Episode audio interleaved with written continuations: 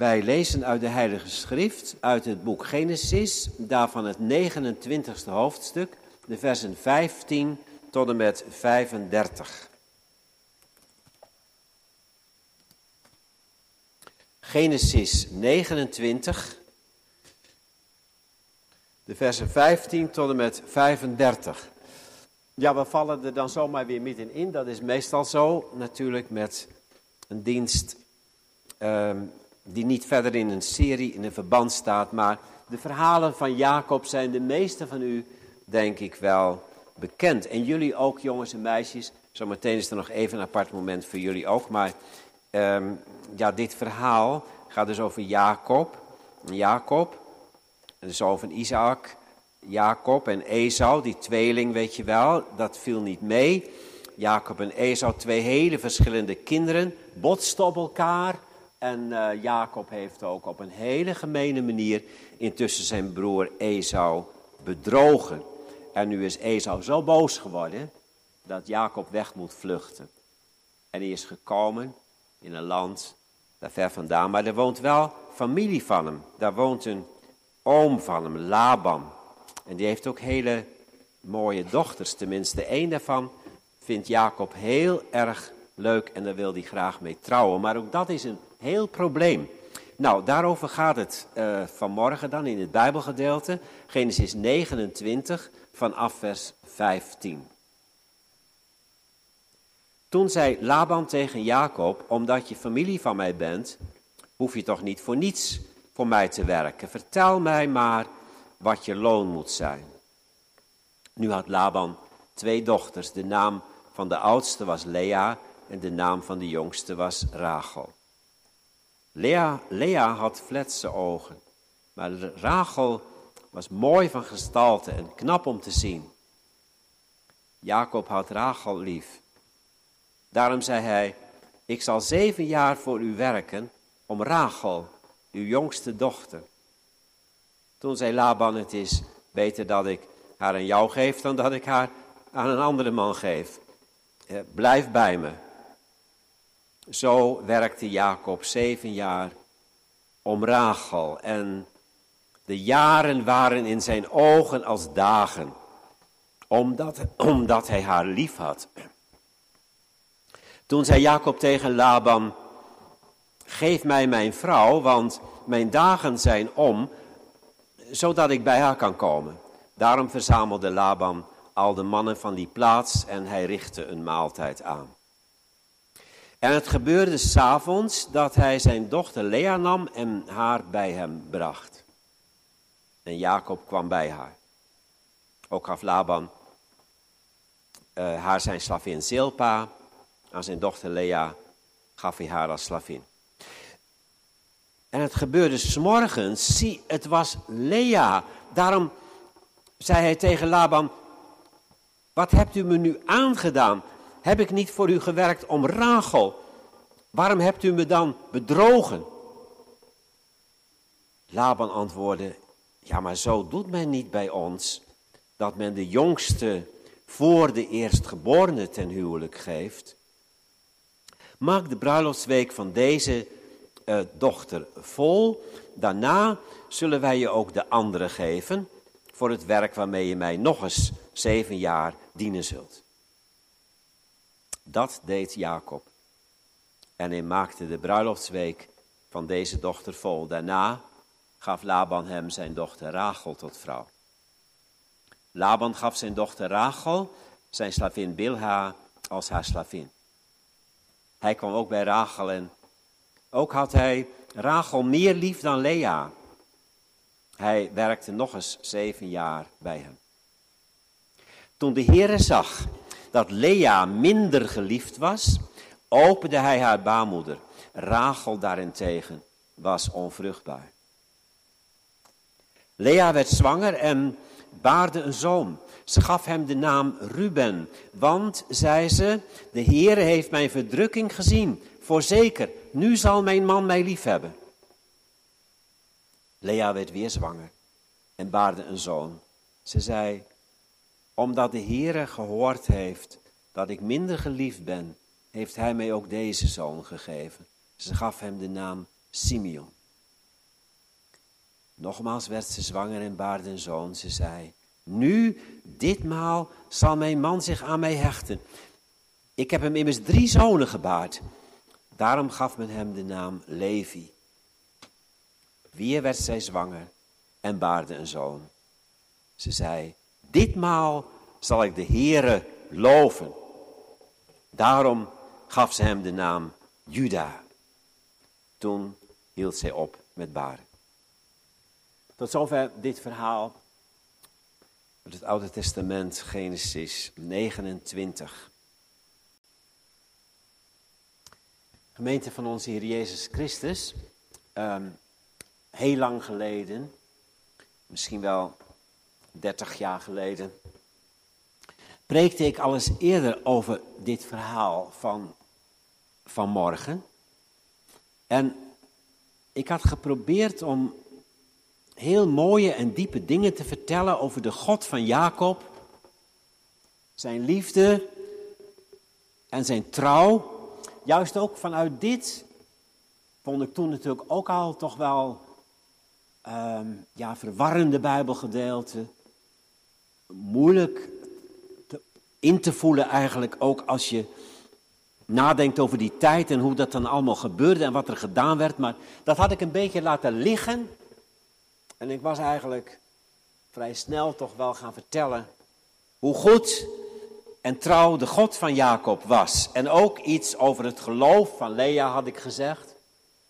Toen ze die ene zoon Juda noemde. Nou, ik weet niet of u dat al opgevallen is. Aan het slot is van de schriftlezing dan die vier zonen die ze krijgt. En bij die eerste drie dan merk je steeds de pijn. Dat ze de laatste is en de niet begeerde is. En dan geeft ze die pijn uh, woorden in de naam voor haar kind. Maar bij die vierde, Juda, dan is dat heel anders. Dan is het alleen maar, ditmaal zal ik de Heere loven. Dus Lea die ook door de pijn heen toch het geloof ontvangt. Nou, mooie dingen had ik er allemaal over gezegd, denk ik. Het was ook zo. Ga ik straks ook doen aan het eind van de preek weer. Maar, uh, na de dienst zei een ouderling, ik vind het toch maar een heel vreemde gang van zaken. En ik voel nog een beetje, alhoewel het nu al wel 30 jaar geleden is, denk ik, voel nog een beetje koude douche effect. Kun je je misschien ook voorstellen, hè? je hebt uh, in vuur en vlam staan te preken weer, mooie dingen over God en Jezus gezegd en het geloof. En dan uh, is de reactie, ik vind het toch maar een heel raar verhaal. Ik vind het toch maar een hele vreemde gang van zaken. Hoe kun je nu pas nadat je, dus hij ging het ook nog een beetje uitleggen, hoe kun je nu toch pas nadat je met je bruid geslapen hebt ontdekken dat ze een ander is dan je dacht? Nou ja, dat staat er inderdaad, hè? en het gebeurde s'morgens. Zie, het was Lea. Maar uh, je bent dan wel meteen van de hoogte van een preek over God en zijn trouw weer terug uh, op, de, op de grond en ook wel op de hele harde grond. Hè? Je bent wel helemaal terug even bij, uh, ja inderdaad, wat een leven, wat een wereld, wat een rare dingen, wat gebeurt er toch allemaal? En ik herinner me dus nog een beetje het afknapperige gevoel daarbij. Ehm, net alsof ik vanaf de hoogte van de kansel van het evangelie zomaar weer in een banale wereld plofte. Maar ik begin nu niet voor niks vanmorgen natuurlijk zo, omdat ik er wel wat van geleerd heb. Ik dacht later, en nu bij de voorbereiding zeker van deze preek weer, dat heb ik ook niet helemaal goed aangepakt. En daarom begin ik er nu vanmorgen wel gelijk mee. Met dat punt aan te kaarten. Want het is een vreemd verhaal. Het speelt zich af in een land en een tijd ver weg en lang geleden. Meisjes werden heel jong nog uitgehuwelijkt door de vader. Daar hadden ze zelf niets over te zeggen. De bruidegom betaalde een flinke bruidschat. Hier het loon van zeven jaar werken. Wordt trouwens door Laban, is u dat wel eens opgevallen? Wordt heel mooi voorgesteld, hè? Je hoeft niet voor niks te werken, omdat je familie bent. Je zegt maar wat je wil verdienen. Maar dan moet hij dus zeven jaar gaan werken voor een bruid.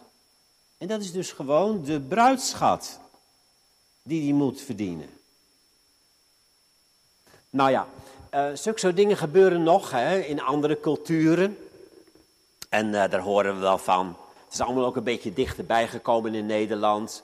Doordat natuurlijk mensen uit culturen van het Midden-Oosten en Afrika ook bij ons zijn gaan wonen.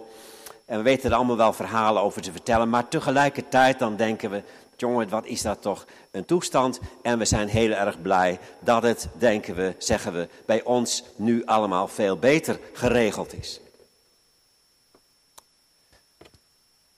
Het is niet alleen een vreemd verhaal, omdat het uit een heel andere cultuur stamt. Het is ook een bizar verhaal, omdat Laban een regelrechte bedrieger is. Uh, daar zei ik net al, hij bedriegt Jacob nu al met dit verhaal en, en, en dan met, met die andere bruid te geven en later nog weer met de dieren. En het is een, Laban is een regelrechte bedrieger. Maar hij is ook, en dat is misschien nog pijnlijker, hij is ook een hele slechte vader. Die twee zusjes aan dezelfde man geeft, terwijl hij weet dat Jacob van Rachel houdt en niet van Lea, dat veel minder knappe zusje. Dat is toch niet anders dan kindermishandeling. Dat is toch niet anders dan je kinderen in het ongeluk storten. En intussen buit hij Jacob dus op een schrikbarende manier uit door hem 14 jaar gratis in dienst te houden. Vreemd, bizar ook. En dan hebben we nog niet over de huwelijksvoltrekking zelf het zozeer gehad, zwaar gesluierd, het hele gezicht, ook de ogen bedekt, werd de bruid s'avonds het bruidsvertrek binnengebracht. Zo was dat nu eenmaal de gewoonte, maar in dit geval zal het voor Lea een drama geweest zijn. Moet je even indenken, hè? Uh, helpt wel eens tussen haakjes. Helpt wel eens als je zulke verhalen in een soort rollenspel uitvoert. Sommige mensen houden daar niet van. Vinden dat een beetje oneerbiedig, maar dat hoeft niet zo te zijn. Als je iemand Laban laat zijn en iemand Jacob laat zijn en iemand Lea laat zijn en iemand Rachel laat zijn en je gaat dan vanuit die rol die je gekregen hebt, het vertellen, uh, de, dan ga je voelen, dan ga je Um, dat heb ik zelf in een rollenspel op een hele andere manier wel eens gemerkt. Je gaat ogenblikkelijk dan voelen hoe dat geweest kan zijn. En het is soms een beetje lastig als je zo snel zo'n stukje doorleest. Wat, wat voor gevoel moet dat geweest zijn voor Lea om op die manier weggegeven te worden?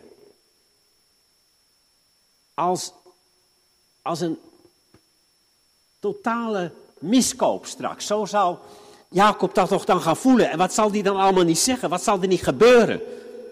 Ze geeft zich aan Jacob terwijl ze weet, als zometeen de sluier eraf gaat, voelt hij zich totaal bedrogen. En wat zal hij dan in vredesnaam gaan doen? Die ouderling die ik zo even noemde, die had het zich blijkbaar behoorlijk concreet voorgesteld onder mijn preek en was daar helemaal in verdwaald. Moet je ook eens even je indenken, het is toch te gek voor woorden. En de volgende morgen zie je, het was Lea. Drama, drama voor iedereen. Wat moeten we met zo'n verhaal? Hier kan God toch niet mee te maken hebben. En als hij er al mee te maken heeft, nou ja, dan zal hij het toch allemaal nog veel sterker afkeuren dan wij. God, ja, hij haat het kwade. Hij gruwt van onrecht en bedrog. Hebben we net nog gezongen. Maar gemeente, als God hè, daar nu eens heel consequent in zou zijn. Hij haat het kwade, hij gruwt van onrecht en bedrog, dus hij wil ook niets met de hele zaak te maken hebben. Waar denkt u dat God dan zou zijn? Denkt u dan niet dat hij gewoon in zijn hoge hemel zou zijn? En dat hij zich totaal niet meer met de wereld zou bemoeien? Als God heel consequent zou zijn. Ik haat het kwade. Ik gruw ervan. Ik heb niks met onrecht en bedrog. Dan zou hij moeten zeggen, dan wil ik ook niets met mensen die bedrog plegen te maken hebben. Maar als hij dat zou zeggen, dan was er wel een heel groot probleem. Want dan zou hij Jacob ook al lang hebben afgeschreven, toch? Immers, wat hier gebeurt met Jacob, dat hij zo gemeen bedrogen wordt, dat lijkt toch als twee druppels water op wat niet zo lang geleden ook gebeurd was. Waarom hebt u me bedrogen? En zo staat Jacob voor, voor Laban en dat is heel begrijpelijk. Waarom hebt u me bedrogen? Maar Jacob, wacht even jongen, wacht even. Eh, hoe lang is het geleden dat Esau dat zei en dat Isaac dat zei. Je broer, Esau, Esau luister, je broer is gekomen met bedrog en heeft je zegen weggenomen. Wat jij gedaan hebt met je oude vader Isaac en met je broer Esau, wat was dat?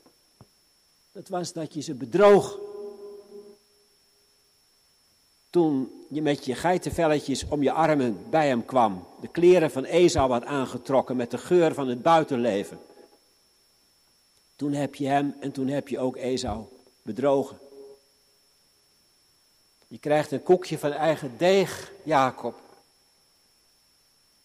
God moet van bedrog niets hebben, maar dat dit nu gebeurt in het leven van Jacob, gaat toch niet buiten hem om? Nee, er gaat niks buiten hem om. Zeker niet wanneer het gaat over Jacob, Israël.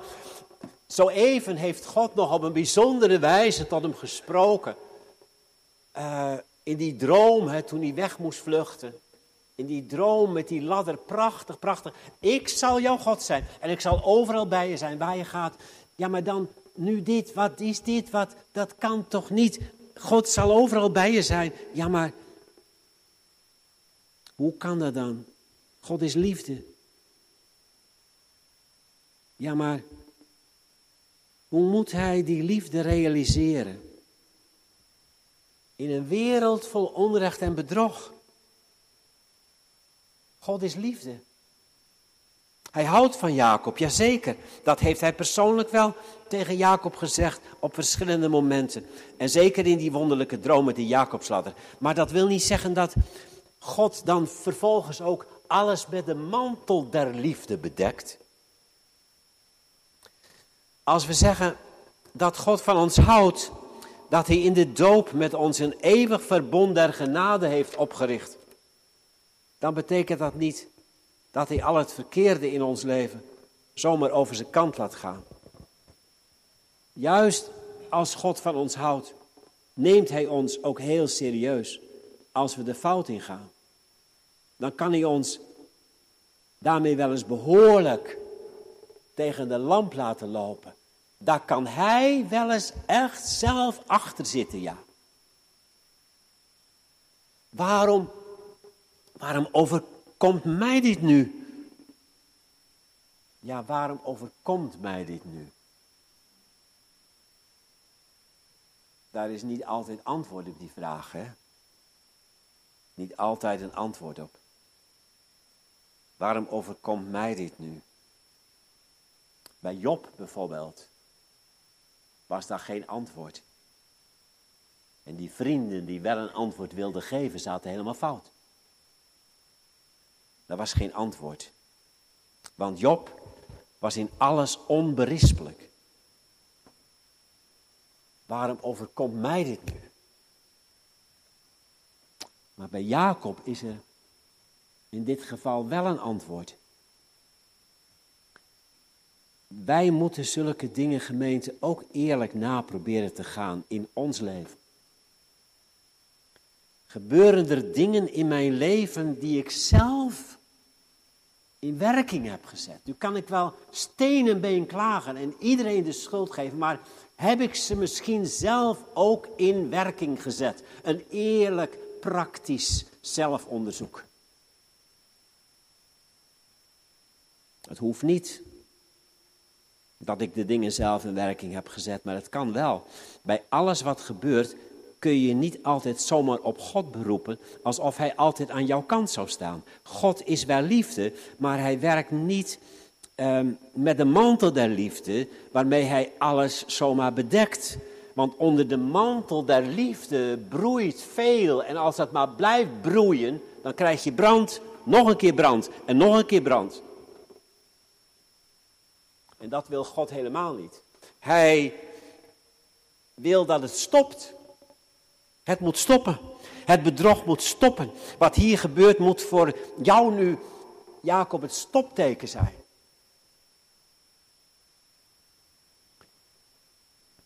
Ja, dat is zo. Ik denk dat dat, ja, ik denk dat, dat zo is. Dat God dat ook zo, zo bedoelt. Maar, wacht even.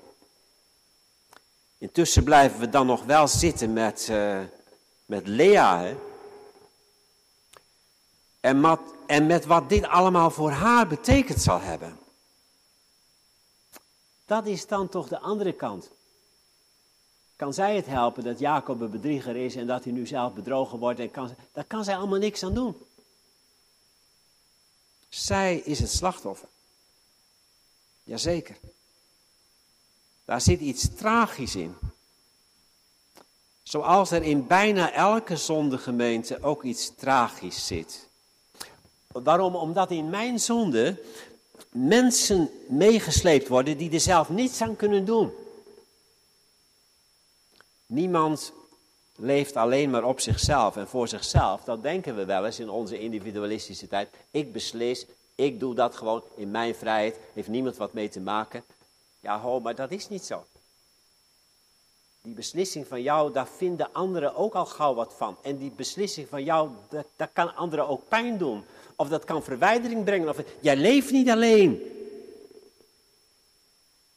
In onze individualistische samenleving denken we dat soms wel eens. Ik dit, ik dat, maar dat is niet zo. Als je dat zo doet, dan wals je over anderen heen voor je er erg in hebt.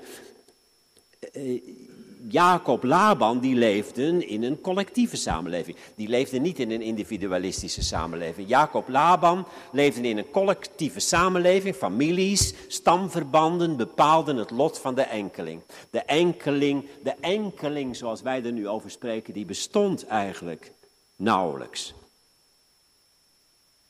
Maar ook wij in onze individualistische samenleving leven nog steeds in relaties. Ieder heeft een vader en een moeder. En in families komen bepaalde patronen voor die op iedereen in die familie invloed hebben. Dat doet geen individualistische samenleving iets aan af. Dat is gewoon zo. Eh, contextuele therapie, contextueel pastoraat. Nou ja, sommigen van u hebben daar misschien wel eens mee te maken gehad. En dat is ook een vorm van therapie en pastoraat dat je zegt, als je met één persoon in gesprek bent die van alles heeft meegemaakt en misschien in een diepe crisis zit, moet je ook altijd even nagaan, wat waren zijn ouders, hoe zaten die familieverbanden, eh, wat voor uh, blije dingen heeft hij daarin beleefd, wat voor droevige dingen heeft hij daarin beleefd, wat is daarin nog steeds niet verwerkt. Niemand leeft op zichzelf. Iemand is ook heel vaak mede het slachtoffer van de verbanden waarin hij leefde en nog leeft. Kinderen worden soms de dupe van verkeerde beslissingen van hun ouders en zelf brengen ze ook weer dingen op hun kinderen over die ze juist in hun ouders zo afkeurden. Maar je, je, je doet het gewoon weer. Wat is dat nu toch? Ja, zo hebben we als mensen dus niet alleen te maken met zonde en schuld, maar ook met tragiek. Tragisch. Heel tragisch is er wat hier gebeurt met Lea. Ze heeft er zelf geen enkele schuld aan. Precies gemeente. En dat ziet God ook. Hij ziet de schuld. Hij ziet de schuld van Jacob en die neemt hij niet licht op.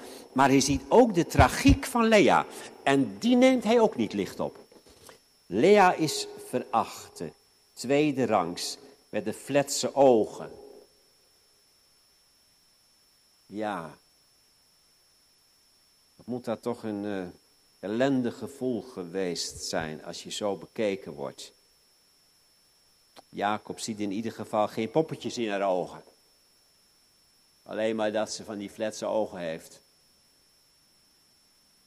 Kan zij het helpen? Misschien heeft ze een ontzaglijk goed hart. Wat een onzin, wat is dit nu toch? God zegt, ik heb een speciaal oogje op jou.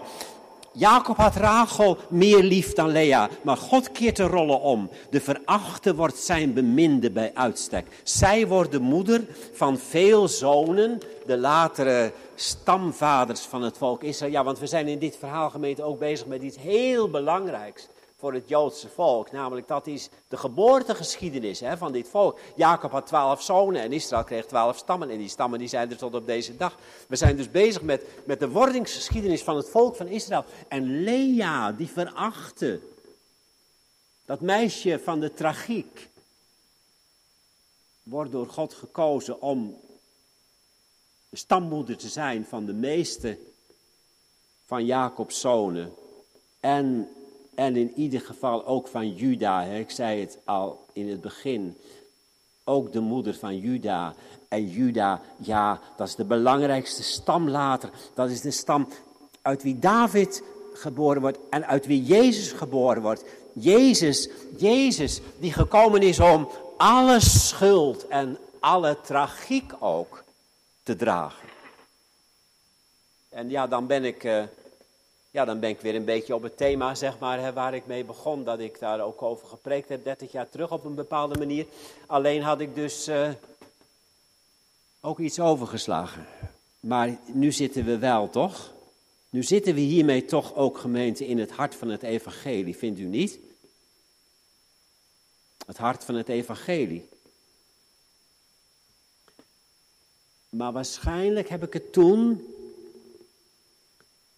toch zonder dat te beseffen te veel gedaan, zonder dat ik het bizarre van het concrete gebeuren in deze geschiedenis voluit had benoemd.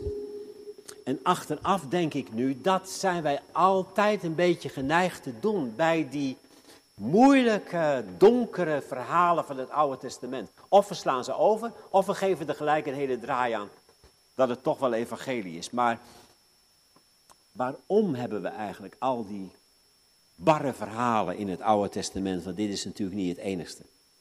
Waarom? Wij lezen het Oude Testament, treffen daar heel veel in aan waar wij niet meer uit de voeten kunnen. En dan zeggen we, ja, gelukkig hebben we ook een Nieuwe Testament. Daar kunnen we ons laven aan de blijde boodschap van Jezus. Maar ik denk steeds meer, daar moeten wij echt van af. Daar moeten we echt van af. Want dan komt die blijde boodschap helemaal in de lucht te hangen. Terwijl die nu juist bedoeld is.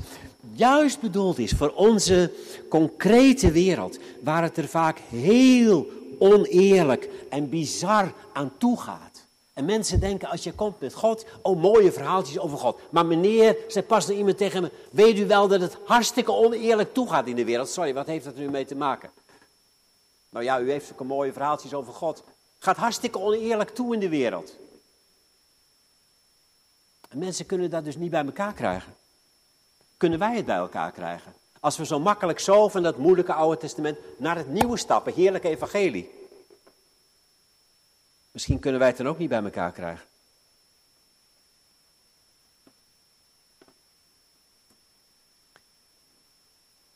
Het evangelie is toch juist bedoeld voor onze concrete wereld. Waar het vaak heel oneerlijk en bizar eraan toe gaat. Nog, ja, ook in deze zin, waarover het gaat in dit verhaal van vanmorgen. Er zijn nog altijd culturen waar het er nog zo aan toe gaat als in het verhaal van Jacob en Laban. Meisjes worden uitgehuwelijkt en, en er zijn allemaal eh, eh, meisjesbesnijdenis en, en nog ergere dingen. En er is heel veel bedrog, dat bestaat allemaal nog steeds. Maar stel je nu voor dat God in die culturen niet aanwezig zou willen zijn, omdat hij het ook allemaal te bizar vindt. Dat zou niet best zijn. En onze westerse cultuur, ja, ik ben er wel blij mee natuurlijk, hè, dat, uh, dat er geen meisjes meer uitgehuwelijkd worden en zo, en dat ik zelf ook mocht kiezen. En, en, natuurlijk, ik ben, ik ben heel blij met heel veel van onze, van onze samenleving. Maar om nu te zeggen dat alles alleen maar beter geworden is. Eh, dat wij het allemaal zo goed doen. Als het gaat om meisjes, jongens, eh, man, vrouw. Dat is niet waar natuurlijk. Dat is nog steeds ontzaglijk getop en gedoe. En je schrikt ook steeds weer opnieuw van dingen zoals de studenten pas. Dan denk je, hoe krijg je dat toch in je hoofd? We hebben de hele MeToo gehad. En dan nog weer zulke grove, schandalige dingen over vrouwen zeggen. Het houdt blijkbaar niet op. Het is ook bij ons nog lang niet pluis natuurlijk, wat dat betreft. Ja, wij zijn, wij zijn er ook zo blij mee dat wij uit liefde mogen trouwen en dat niemand zich er verder mee bemoeit. Maar die romantische liefde, die houdt het vaak niet. En dan is de relatie weer over. En er wordt heel veel pijn geleden op dit terrein. Juist ook onder ons. Hier, in onze westerse wereld. God wacht niet af, gemeente, gelukkig. God wacht niet af tot het allemaal eerst beter wordt. Eerst morele herbewapening voor die rare culturen daar in het Midden-Oosten en voor jullie ook. En dan kom ik wel eens kijken, als het een beetje opgeknapt is, of ik ook nog wat met jullie kan. Nee, gelukkig niet hè. God wacht niet af tot het allemaal eerst beter wordt.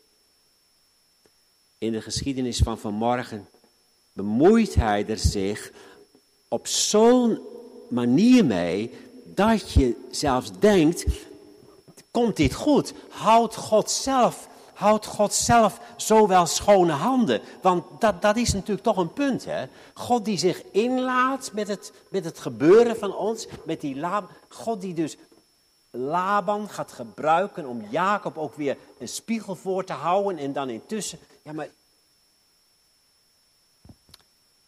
Wij schudden ons hoofd. Dat kan niet.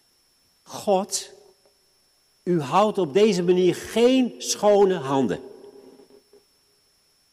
U laat heel veel toe en daardoor wordt u in een conflict en in een levensverhaal verweven wat helemaal niet klopt. De bedrieger bedrogen, ja, maar intussen zet Laban toch eh, eh, allemaal foute dingen op het bord. En, en, en doet hij allemaal hele. Laban, Heere God, u kunt zich helemaal niet met een man als Laban gaan bemoeien, want dat is een hele foute man en, en zijn daden gaan gebruiken om Jacob een lesje te leren. Niet doen, dat is een hele foute actie. Gebruikt God inderdaad die sluwe Laban om Jacob te laten zien hoe fout hij bezig is geweest. Maar ziet God dan niet dat Lea en Rachel daar het slachtoffer van worden? Raakt God door zich met zulke mensen en zulke intriges in te laten, zelf niet helemaal verstrikt in het kwaad? Dat was wat nog weer zo sterk bij mij bovenkwam. Bij dit verhaal. Raakt God niet door zich daar zo in te mengen, zelf ook helemaal verstrikt in het kwaad? Ik denk gemeente, pas wanneer wij iets proeven van het verbijsterende hiervan, pas dan kunnen we iets begrijpen van Jezus en zijn komst naar deze wereld. Want dan raakt God toch pas echt helemaal verstrikt in het kwaad. Dan gaat immers Jezus totaal onschuldig naar het kruis. En God laat dat niet alleen toe, het is zelfs de wil van God. Vader, indien het mogelijk is, laat deze beker aan mij voorbij gaan, maar niet mijn wil, maar uw wil geschieden. En dan is het dus de wil van God dat dit verschrikkelijke, onrechtvaardige aan zijn zoon wordt voltrokken. Dat is toch verschrikkelijk. Ik bedoel, dan, dan raakt God toch helemaal met zichzelf in de knoop, zou je zeggen. Jezus, totaal onschuldig veroordeeld. En dat laat God toe. Het is zelfs zijn wil.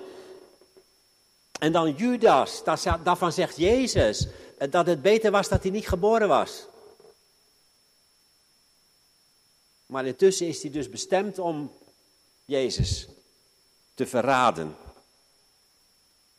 Het was beter als hij niet geboren was. Ja, hoe moet je dat nu toch zien? Dat is dan toch wel helemaal, helemaal tragiek en schuld door elkaar heen, hè? Schuld dat je Jezus verraadt, maar ook tragiek. Je was ertoe bestemd. Wat is dat allemaal? Ja, wat is dat allemaal? Maar zojuist is er dus wel hoop, hè gemeente. Want, want als God dus helemaal in schuld en tragiek verward lijkt te raken, dan is dat kruis dat daar staat niet het laatste woord. Dan is er een doortocht door de duisternis van de nacht naar de morgen van de opstanding. En dat is het evangelie. Al zo lief heeft God de wereld gehad. Deze wereld. Deze barre en bizarre wereld. En als dat een beetje tot ons begint door te dringen, dan zullen wij ook deze wereld liefhebben. Deze barre en bizarre wereld. En er niet gillend bij weglopen. Maar altijd moed houden. Omdat er een doortocht is. Door de dood, de schuld en de tragiek.